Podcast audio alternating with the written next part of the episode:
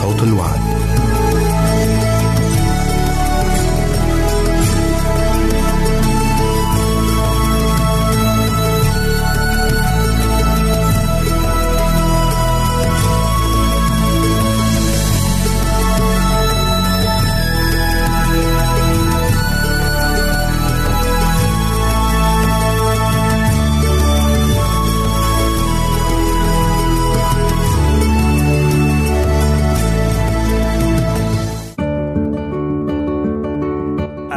المستمعين والمستمعات راديو صوت الوعد يتشرف باستقبال رسائلكم ومكالمتكم على الرقم التالي 00 961 سبعة ستة ثمانية ثمانية ثمانية أربعة واحد تسعة. نشكركم ونتمنى التواصل معكم. والسلام علينا وعليكم.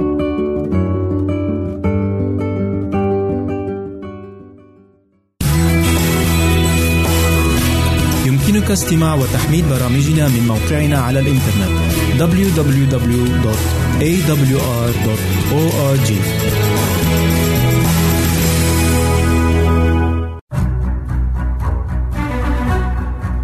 أعزائي المستمعين والمستمعات تتشرف راديو صوت الوعد باستقبال أي مقترحات أو استفسارات عبر البريد الإلكتروني التالي راديو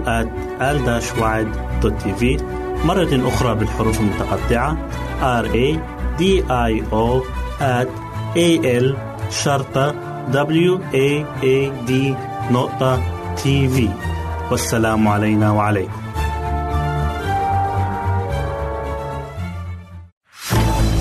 أعزائي المستمعين والمستمعات راديو صوت الوعد لا يكتفي بخدمتكم عبر الموجات الصوتية فقط بل وإنه يطرح لكم موقعا إلكترونيا يمكنكم من خلاله مشاهدة أجمل البرامج الدينية الثقافية الاجتماعية وغيرها من المواضيع الشيقة.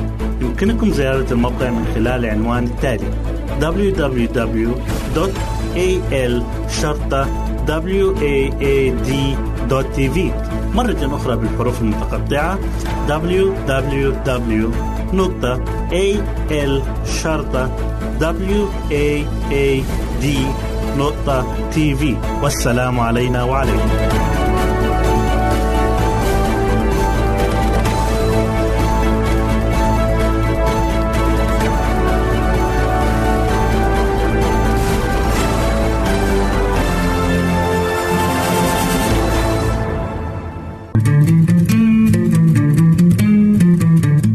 أنتم تستمعون إلى إذاعة صوت الوعد.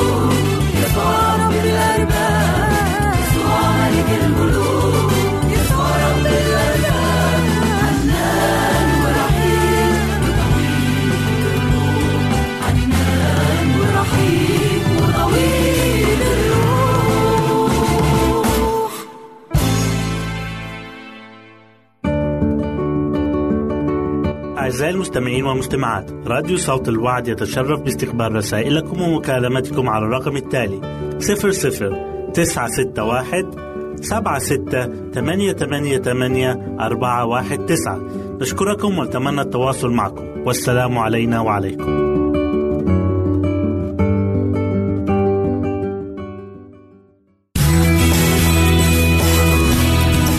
يمكنك استماع وتحميل برامجنا من موقعنا على الإنترنت www.awr.org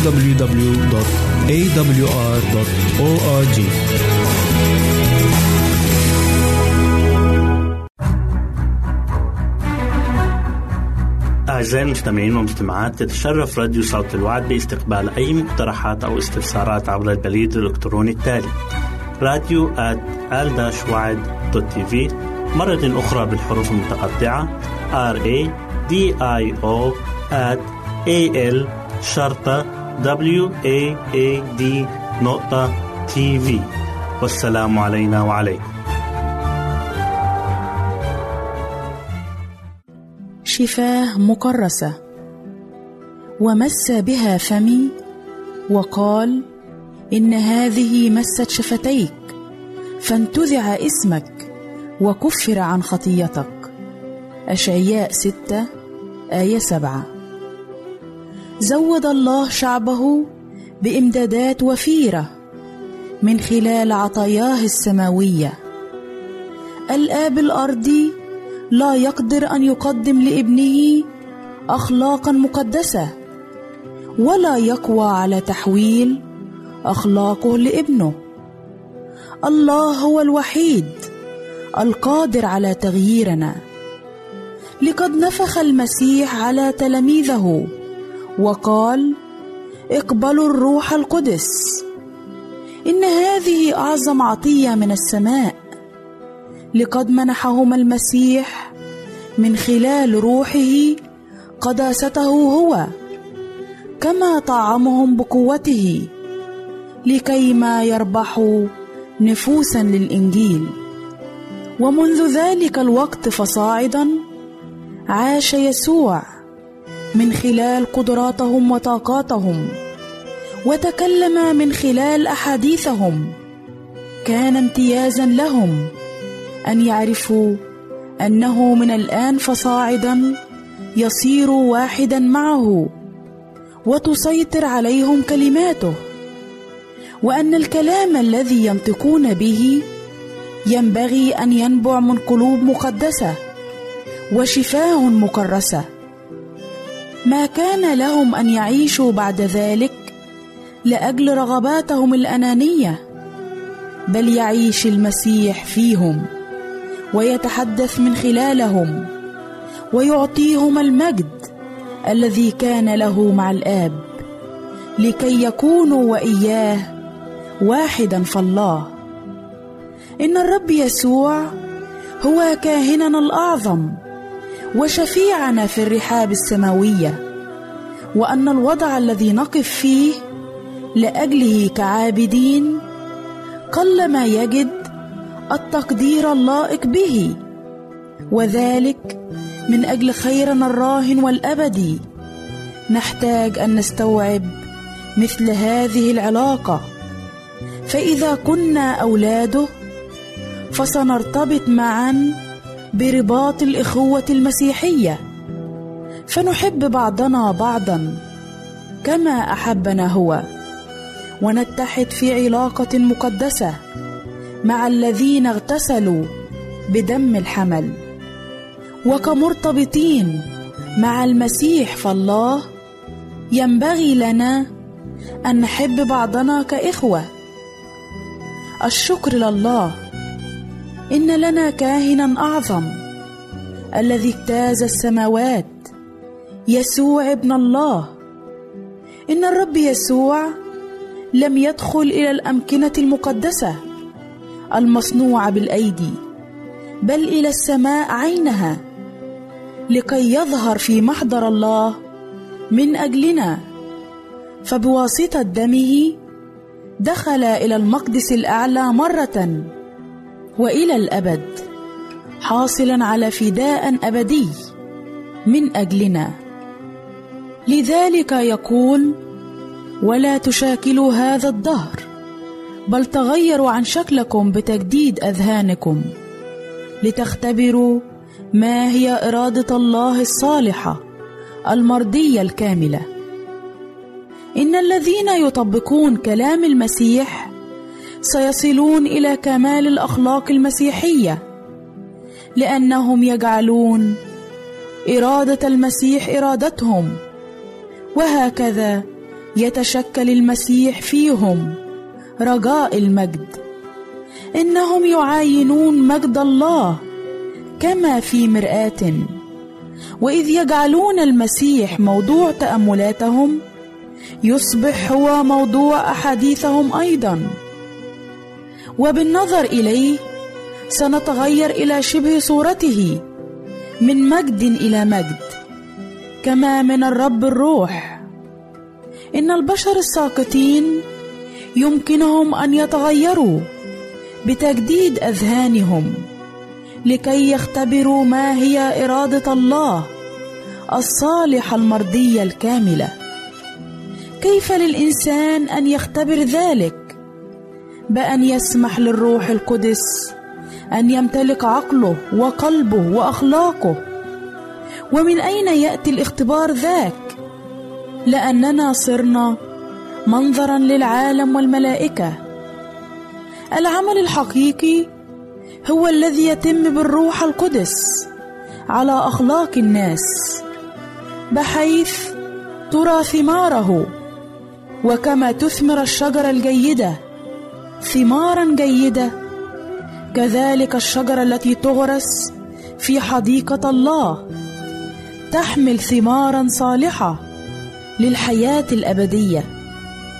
ويتم التغلب على الخطايا المحيطة بنا. ولا يسمح للأفكار الشريرة أن تغزو العقل. والعادات الباطلة تزال من هيكل النفس. والاتجاه والميول التي كانت متحيزة في الاتجاه الخاطئ تتبدل لتتجه في الاتجاه الصحيح. والتصرفات والمشاعر الخاطئة تقلع والطباع المقدسة والمشاعر المكرسة تكون هي الآن الثمار التي تحملها الشجرة المسيحية. ويعم الإنسان تبديل كامل. هذا هو العمل المطلوب إنجازه.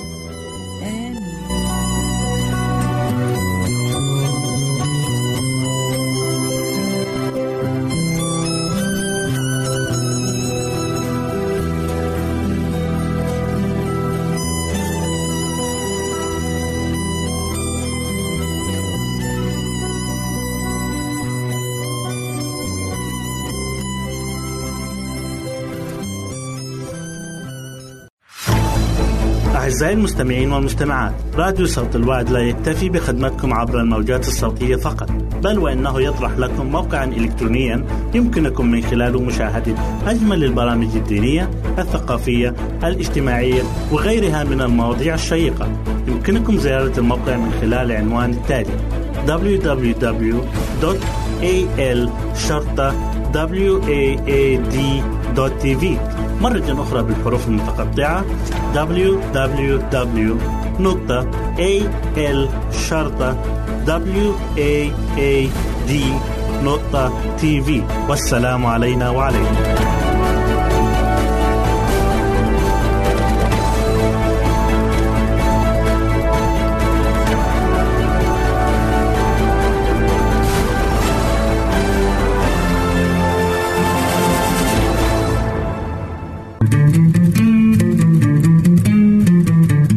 أنتم تستمعون إلى إذاعة صوت الوعد.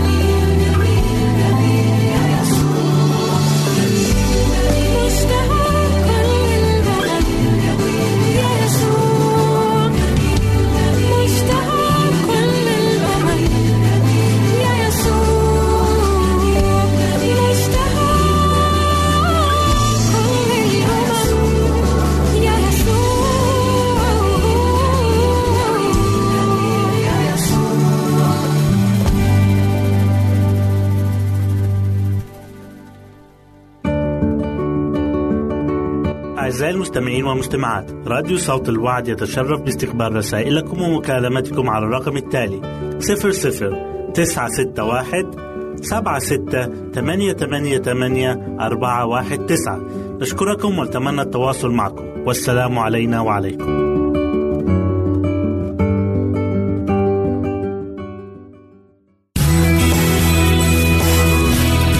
يمكنك استماع وتحميل برامجنا من موقعنا على الإنترنت www.awr.org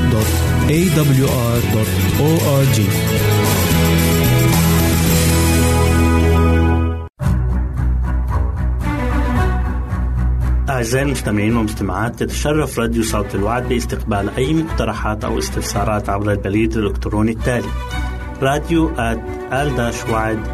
في مرة أخرى بالحروف المتقطعة R A D I O at A L شرطة W A A D نقطة تي في والسلام علينا وعليكم. أهلا وسهلا بكم مستمعاتي الكرام في كل مكان. يسعدني أن أقدم لكم برنامج نصائح للمرأة. وحلقة اليوم هنتكلم فيها عن الكنة وحماتها. العلاقة بين أفراد العيلة الواحدة المفروض يكون أساسها المحبة والمودة وتكون قايمة على الاحترام المتبادل بينهم كلهم. يعني الصغير يحترم الكبير. وبالأسس ديت بتنشأ العيلة بشكل طبيعي وبتكون مشاكل أقل. والمفروض إن كل فرد في الأسرة يعرف إيه واجباته وإيه حقوقه. أحيانا كتير بنسمع عن العلاقة السيئة بين الكنة وحماتها أو زوجة الابن والحما وبنشوف ده في مسلسلات تلفزيونية كتير. لكن أنا مرة قريت قصة بتحكي عن كنة بتكره حماتها جدا وعايزة تتخلص منها بأي شكل خصوصا إنها بتعيش معاها في نفس البيت. لكن هي مش عارفة تعمل إيه مش عارفة تتصرف إزاي عشان تحقق الأمر ده خاصة إن الزوج متعلق بأمه كتير. فراحت الكنة في يوم من الأيام للحكيم أو الدكتور عشان تستشيره إزاي تتخلص من حماتها المزعجة. من غير ما حد يشك فيها. وحكت المشكلة للدكتور وشكت له من تصرفات حماتها كتير وتدخلاتها الزايدة عن اللزوم في حياتها الشخصية. وطلبت منه إن يقولها على طريقة تتخلص منها.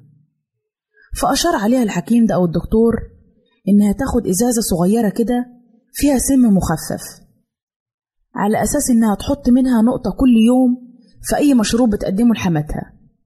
بس على شرط إنها تعامل حماتها معاملة كويسة جدا. كأنها بتعامل مامتها. ومن الوقت ده بدأت الكنة تعامل حماتها معاملة كويسة وتقدم ليها الشاي والقهوة اللي هي دسة فيه السم وبدأت الحما تحب كنتها جدا بسبب التغيير في المعاملة لقيت إنها بتعاملها معاملة كويسة جدا. وبدأت الكنة كمان تحب حماتها قوي واكتشفت الجوانب الجميلة في شخصيتها وعاشوا مع بعض فترة طويلة من غير أي خلاف وبدون أي مشاكسات أو أي مشاكل تقابلهم وفي يوم من الأيام جلست الكنة مع نفسها كده وقعدت تسأل نفسها طب أنا هعمل إيه؟ المدة قربت تخلص وبقى من الإزازة حاجة قليلة قوي وتموت الحما وشعرت الكنة بضيق وندم كبير جدا على اللي عملته وخافت قوي على حماتها وقررت إنها تروح للحكيم مرة تانية عشان يقول لها تعمل إيه. حست بتأنيب ضمير جامد جدا. إزاي تتخلص من الموقف اللي حطت نفسها فيه؟ ولما راحت للحكيم ريحها وقال لها إن هو ما كانش مديها سن. ده كان مديها ماذا وإلا عصير تحطه على المشروب لحماتها. وإنه عمل كده معاها عشان يديها فرصة تعامل حماتها معاملة كويسة وتشوف إيه اللي هيحصل. وإن الكره ده اتحول لمحبة وألفة. والدليل على كده إنه حصل تغيير بينهم. بدأت الكنة تحب حماتها والحما تحب كنتها. وده أكبر دليل على إن أي مرات ابن أو أي كنة تقدر تلاقي حل لمشاكلها. إنها تسمع كلام حماتها ما ترفض لهاش طلب. تحاول تشعرها إنها محبوبة. تستشيرها في أمور المطبخ. تحاول إنها ما تقابلش كل مطالبها دايما بالرفض. لأن ده شيء بيشعل الحرب بين الكنة والحما وكمان بيخلي المشاكل تبدأ بين الزوج وزوجته. وما تنسيش كمان إنه في يوم من الأيام راح تكوني حما والمعاملة اللي هتعاملي بيها حماتك أكيد هتلاقي اللي يعاملك بيها. حاولي تعتبري إن حماتك مامتك أو صديقتك. وكمان من الأمور المهمة إنك تخلي بالك منها إنك تعاملي جوزك معاملة كويسة قدام عيلته. إنك تهتمي بيه وتقدمي له كل احترام لأن ده بيسعد الأهل جدا. لما يشوفوا مرات ابنهم بتعامل ابنهم معاملة كويسة وبتحترمه. وحاولي تتجنبي أي مشاجرات وخلافات بينك وبين جوزك خصوصا لما تكوني رايحة بيت أهله. وحاولوا تنهوا أي خلاف بينكم قبل ما تخرجي من البيت. وكمان ما تناديش على حماتك بكلمة حماتي أو بأي كلمة تانية. قولي لها يا ماما لأن كلمة ماما بتسعدها قوي. قبلي حماتك دايما بابتسامة حلوة لأن الابتسامة مفتاح القلوب. خليك على طبيعتك. ما تحاوليش تتصنعي أو تتزاكي على حماتك لأن هي ذو خبرة في الحياة أكتر منك. كمان ما تميزيش في المعاملة بين أهلك وأهل جوزك لأن ده بيولد غضب عند الأهل وبيسبب مشاكل. عزيزتي الكنة افتكري دايما إن حماتك هي اللي أنجبت ليك جوزك. جوزك اللي أنت عايشة معاه في سعادة وراحة وملبيلك كل احتياجاتك. هي اللي ربته وممكن تكون هي كمان اللي ساعدته إنه يختارك ليه كزوجة. ما تعتبريش حماتك عدوتك. بل بالعكس كوني ليها رفيقة وصديقة. وهي كمان هتساعدك بحكمتها وخبرتها في إنك تتقربي لجوزك أكتر وتزيد محبته ليكي. وأخيرا عزيزتي اعرف إنك في يوم من الأيام هتكوني مكان حماتك. عامليها بمعاملة كويسة. المعاملة اللي تحبي إنك تتعاملي بيها في المستقبل. حتى لو إنه تطلب منك إنك تتجاهلي أي إساءة منها صدرت ليكي.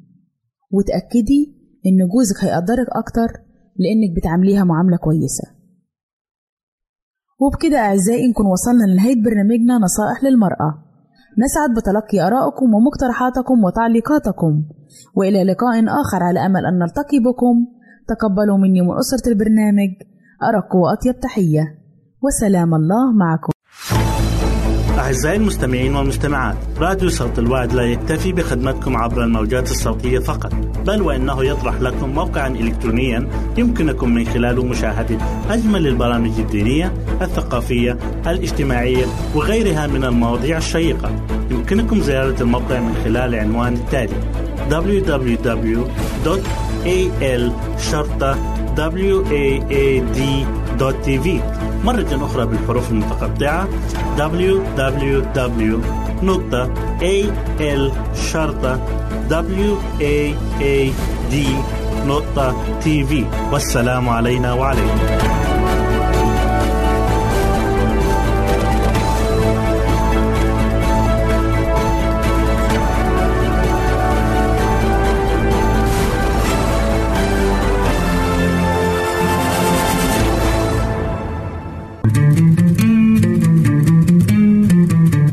أنتم تستمعون إلى إذاعة صوت الوعد.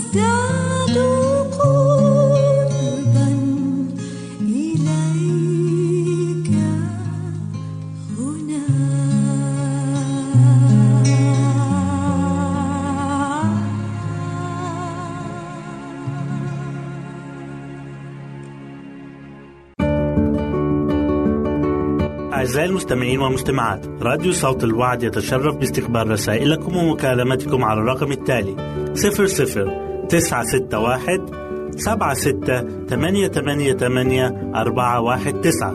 نشكركم ونتمنى التواصل معكم. والسلام علينا وعليكم.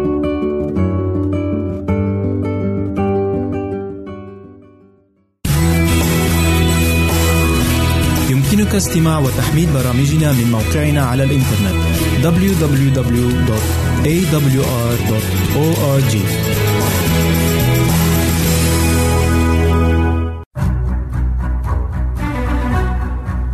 أعزائي المستمعين والمستمعات تتشرف راديو صوت الوعد باستقبال أي مقترحات أو استفسارات عبر البريد الإلكتروني التالي راديو في مرة أخرى بالحروف المتقطعة R A D I O at A L شرطة W A A D نقطة تي في والسلام علينا وعليكم. أهلا بكم أعزائي المستمعين في لقاء جديد من برنامج عمق محبة الله. حلقة اليوم بعنوان إكمال عمل الخلق. تقول الآية فأكملت السماوات والأرض وكل جندها أتت هذه الكلمات في سفر التكوين الأصحاح الثاني والعدد الأول. ورأى الله كل ما عمله هو حسن جدا. وهكذا تفتحت الأزهار وغردت الطيور وسالت الينابيع. وكان لآدم وحواء كامل الحرية للأكل من شجرة الحياة. ولم يكن هناك أي مكان أو وجود للخطية. ولا أثر لطل الموت. بل تقول الآية ترنمت كواكب الصبح معا وهتف جميع بني الله. هذه الكلمات أتت في سفر أيوب إصحاح 38 وعدد سبعة. لقد اكتست الأرض ثوبا من الجمال. لقد أكمل الله عمل الخلق وهو الذي وضع أساسات الأرض وكسى العالم كله ثوبا من الجمال وملأ الأرض بكل ما هو نافع للإنسان. لقد أكملت الخليقة في ستة أيام وأراد الله أن يكون هناك تذكارا.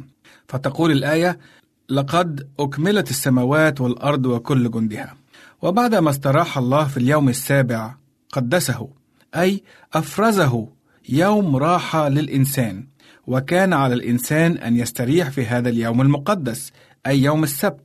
تماما كما فعل الخالق. لماذا استراح الله؟ هل تعب؟ حاشا لله أن يتعب. ولكنه استراح لأنه أرادنا نحن أن نستريح. كان يدرك تماما أننا لا نستطيع العمل متواصل. وبعدما أكمل الله السماء والأرض وجميع خلقها استراح. لقد كان على الإنسان أن يستريح بهذا اليوم اقتداء بالخالق وأقام الله تذكارا في جنة عدن لعملية الخلق. فبارك الله اليوم السابع وقدسه. وطلب الله من آدم أبو الجنس البشري أن يقدس هذا اليوم أي يوم السبت. ذلك لأن هذا اليوم يرمز إلى الخليقة وإلى الله الخالق. لقد ركز الشيطان جهده وجند جنده لمحاربة هذا اليوم. لماذا؟ لأنه هو اليوم الوحيد والوصية الوحيدة التي تذكرنا أن الله هو الخالق خالق هذا الكون. وأتمن الله آدم على يوم السبت لأنه أبا للأسرة البشرية. فحافظ السبت هو اعترافا من الجنس البشري على أن الله هو الخالق. وهكذا كانت الشريعة بجملتها عرفانا منا أن الله أبونا وهو خالقنا ونحن غنم مرعاه. لم يكن هذا اليوم هو من أجل الله بل لأجلنا نحن. أو كما يصوره الشيطان هو من أجل أنانيته بل هو من أجل الإنسان ومن أجل راحته. ورأى الله أنه من أجل صالح الإنسان أن يكون له يوم للراحة. فالله لا يتعب أبدا. إذا لماذا يحتاج هو أن يرتاح؟ لقد وضع هذا اليوم مثالا لنا حتى نرتاح نحن أيضا منه. إن قصد الله من يوم السبت هو توجيه عقل الإنسان للتأمل في خليقته فالطبيعة تتحدث وتحكي عن مجد الله.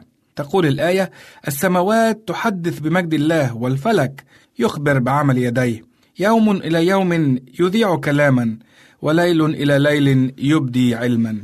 هذه الكلمات المقدسة جاءت في مزمور 19 والعددين واحد واثنين. إن الله يريد من السبت أن يوجه عقولنا نحو الخالق الذي خلق الأرض وزينها بالربيع والأزهار والأشجار وخلق السماء ورصعها بالنجوم وهو القائل السماوات تحدث بمجد الله والفلك يخبر بعمل يديه. تقول كاتبة ملهمة إن الكتب المقدسة قد تسحب من أيدي الناس وقد لا تبقى كتب مقدسة بأيدي البشر ولكن يبقى كتاب واحد يقرأه الجميع. ولا يستطيع أحد أن يسحبه من بين أيدي البشر قد تتساءل يا أخي المستمع لماذا حارب الشيطان ويحارب كنيسته الأخيرة؟ لأنه عارف أن زمانه قليل وأن مجيء السيد الرب قريب جدا فهو يبذل كل ما بوسعه ليعرقل تقدم عمل الرب لقد خلق الله الإنسان حرا مع أنه هو خالقنا ومحيينا فهو لا يريده أن يعبده خوفا أو منة بل لتكن عبادتنا له بدافع المحبة لا الخوف ولا الرهبة. فنقول مع المرنم إني أحب الرب لا لأربح النعيم ولا لكي أنجو من العذاب في الجحيم لكن أحبه لأن لي حبه يحلو وهو الذي من فضله أحبني قبلا. نعم أخي المستمع أختي المستمعة ومع أن الله قد خلقنا وأعطانا نسمة الحياة فهو يريدنا أن نأتي بدافع المحبة وهو ينادينا قائلا يا ابني أعطني قلبك ولتلاحظ عيناك طرقي إلى اللقاء في حلقة مقبلة. آمين. أعزائي المستمعين والمستمعات راديو صوت الوعد لا يكتفي بخدمتكم عبر الموجات الصوتية فقط بل وإنه يطرح لكم موقعا إلكترونيا يمكنكم من خلاله مشاهدة أجمل البرامج الدينية الثقافية الاجتماعية وغيرها من المواضيع الشيقة. يمكنكم زيارة الموقع من خلال العنوان التالي www.al-waad.tv مرة أخرى بالحروف المتقطعة. www.al-waad.tv والسلام علينا وعليكم.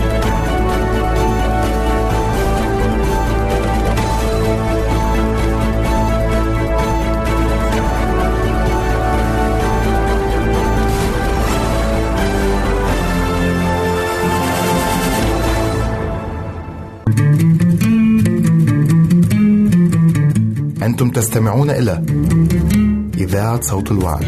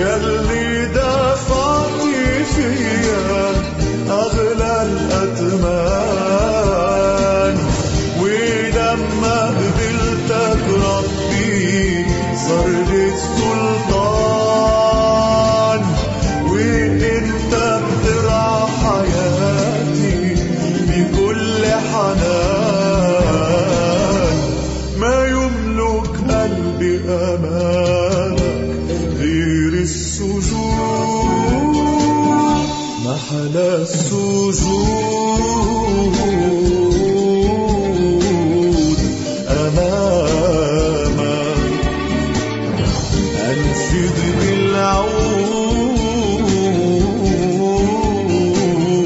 لجلالك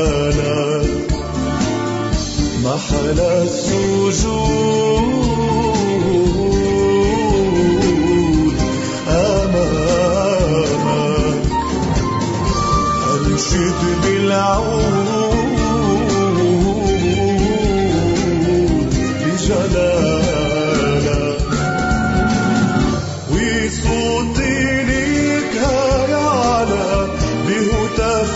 أناشيد والقلب عايش فيها أيامي عيد. وبتغلى حياتي جنبك بالمواعيد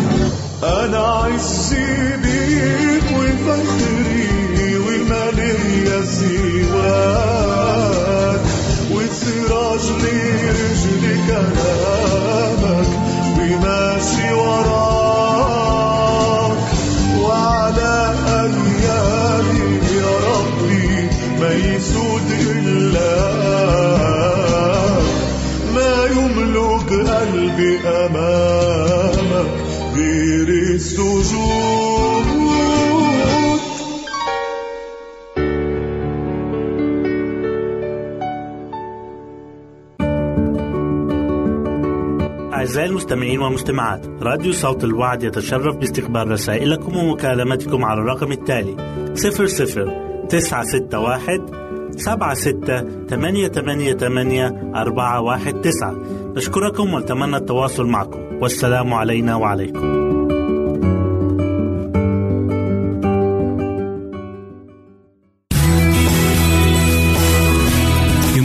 يمكنك استماع وتحميل برامجنا من موقعنا على الإنترنت www.awr.org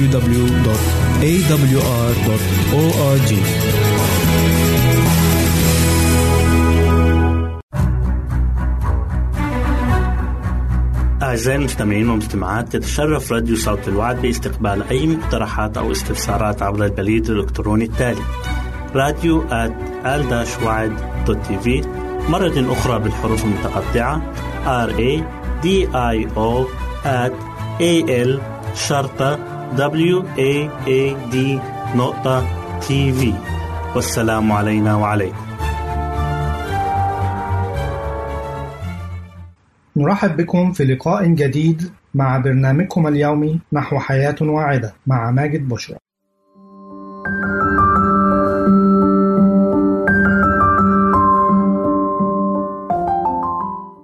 فوائد الجرجير للصحة وللشعر وللجلد. فوائد الجرجير للشعر والصحة والجلد يعتبر الجرجير واحد من الخضروات الورقية كالسبانخ والخس والسلق وغيرها حيث يتم استخدامه بكثرة في السلطات وللجرجير أنواع كثيرة منها الجرجير الهندي وجرجير اليابسة وجرجير الحجر وغيرها كما يتم زراعته في مناطق كثيرة في الوطن العربي وبلدان الخليج. فوائد الجرجير للجسم. يوفر الجرجير العديد من الفوائد الصحية للجسم. ونذكر من أهمها ما يأتي. تقليل خطر الإصابة بالسرطان. فعلى مدى 30 عام الماضية وجد أن تناول كميات كبيرة من الخضار التابعة للفصيلة الصليبية ارتبط بانخفاض خطر الإصابة بالسرطان. وخصوصا سرطان القولون والرئة. وقد يكون ذلك لاحتواء هذه الخضروات على مركبات تحتوي على الكبريت يطلق عليها السلفورافين. وقد أشارت بعض الدراسات الحديثة إلى أن هذه المركبات تمتلك القدرة على إبطاء أو منع سرطان في كل من البنكرياس والمريء والبروستاتا والجلد. وبالإضافة إلى ذلك فإن الجرجير يحتوي على الكلوروفيل والذي يعد فعالا في منع التأثيرات المسرطنة للمركبات التي تنتج عن شي الطعام على درجات حرارة مرتفعة. التقليل من خطر الإصابة بهشاشة العظام حيث أن الجرجير يعد غنيا بفيتامين K والذي يعد مهما لتحسين صحة العظام وامتصاص الكالسيوم وتقليل خسارته عن طريق البول. كما أن نقص الفيتامين K يرتبط بارتفاع خطر التعرض للكسور في العظام. بالإضافة إلى ذلك فإن الجرجير يحتوي على الكالسيوم المهم للعظام أيضا. التحسين من حالات الأشخاص المصابين بالسكري. إذ إن الخضروات الورقية تحتوي على نوع من المضادات الأكسدة يسمى حمض الألفا ليبويك والذي وجد أنه يزيد حساسية الأنسولين ويقلل مستويات السكر في الدم. كما أنه يقي من التغيرات الناجمة عن الإجهاد التأكسدي لدى الأشخاص المصابين بالسكري. وعلى الرغم من ذلك يجدر بنا التنبيه على أن التجربة التي أجريت على حمض الألفا ليبويك كانت عبر حقنة في الوريد ولذلك لا يعرف حتى الآن فيما إذا كان تناوله يوفر هذه الفوائد نفسها.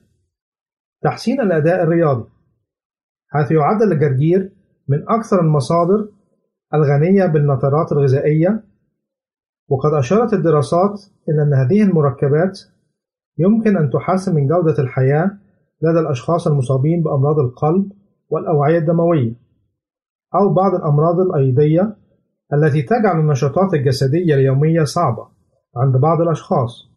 وعلى الرغم من أنه ليس هناك دراسات تؤكد فوائد الجرجير في هذا الشأن إلا أن هناك بعض الدراسات التي استخدمت عصير الشمندر والذي يعد غنيا بالنترات الغذائية كالجرجير وجدت أنه قد حسن أداء الرياضيين الذين يمارسون رياضة قيادة الدراجات الهوائية. امتلاك خصائص مضادة للميكروبات والبكتيريا حيث أشارت بعض الدراسات إلى قدرة الجرجير على قتل البكتيريا المسببة لعدوى القناة البولية أو الزحار أو العدوى في الدم. وقد يكون ذلك لاحتوائه على بعض المركبات التي تمنع تكاثر البكتيريا وانتشارها. التقليل من خطر الإصابة بقرحة المعدة.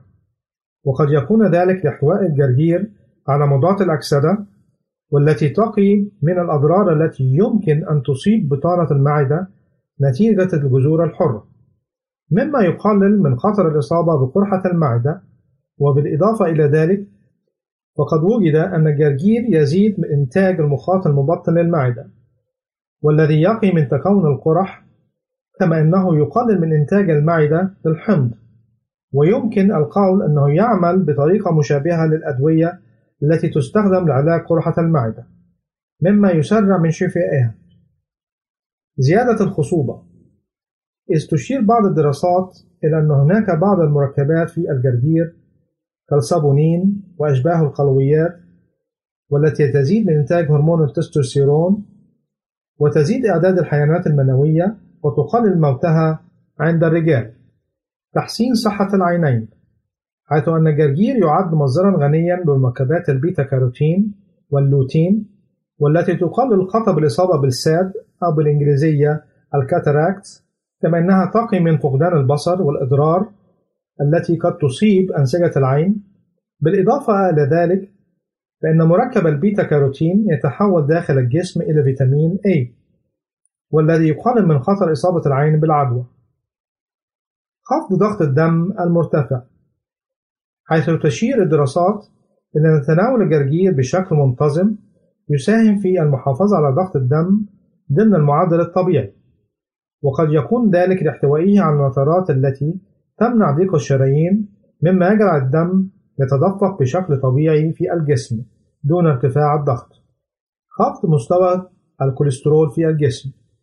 حيث تشير الدراسات أن الجرجير يساهم في التقليل من مستويات الكوليسترول الكلي والضار والدهون الثلاثية ويمنع انتقال الدهون في مجرى الدم كما أنه يرفع مستويات الكوليسترول النافع في الجسم أيضا. وبهذا نأتي إلى ختام حلقتنا. نرجو أن تكونوا قد استمتعتم بها. حتى نلقاكم في حلقة أخرى. لكم مني أفضل الأمنيات. نرجو التواصل معنا عبر هذه العناوين. للتشات www.al-waad.tv وللرسائل radio at al-waad.tv والاتصال عبر الواتساب 961 76 888 419 961 76 888 419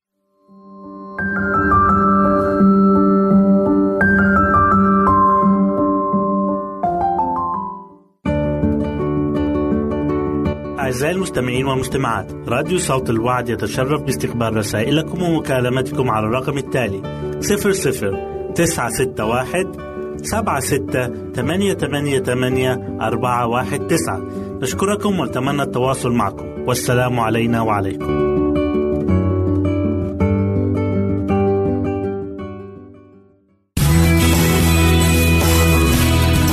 استماع وتحميل برامجنا من موقعنا على الإنترنت www.awr.org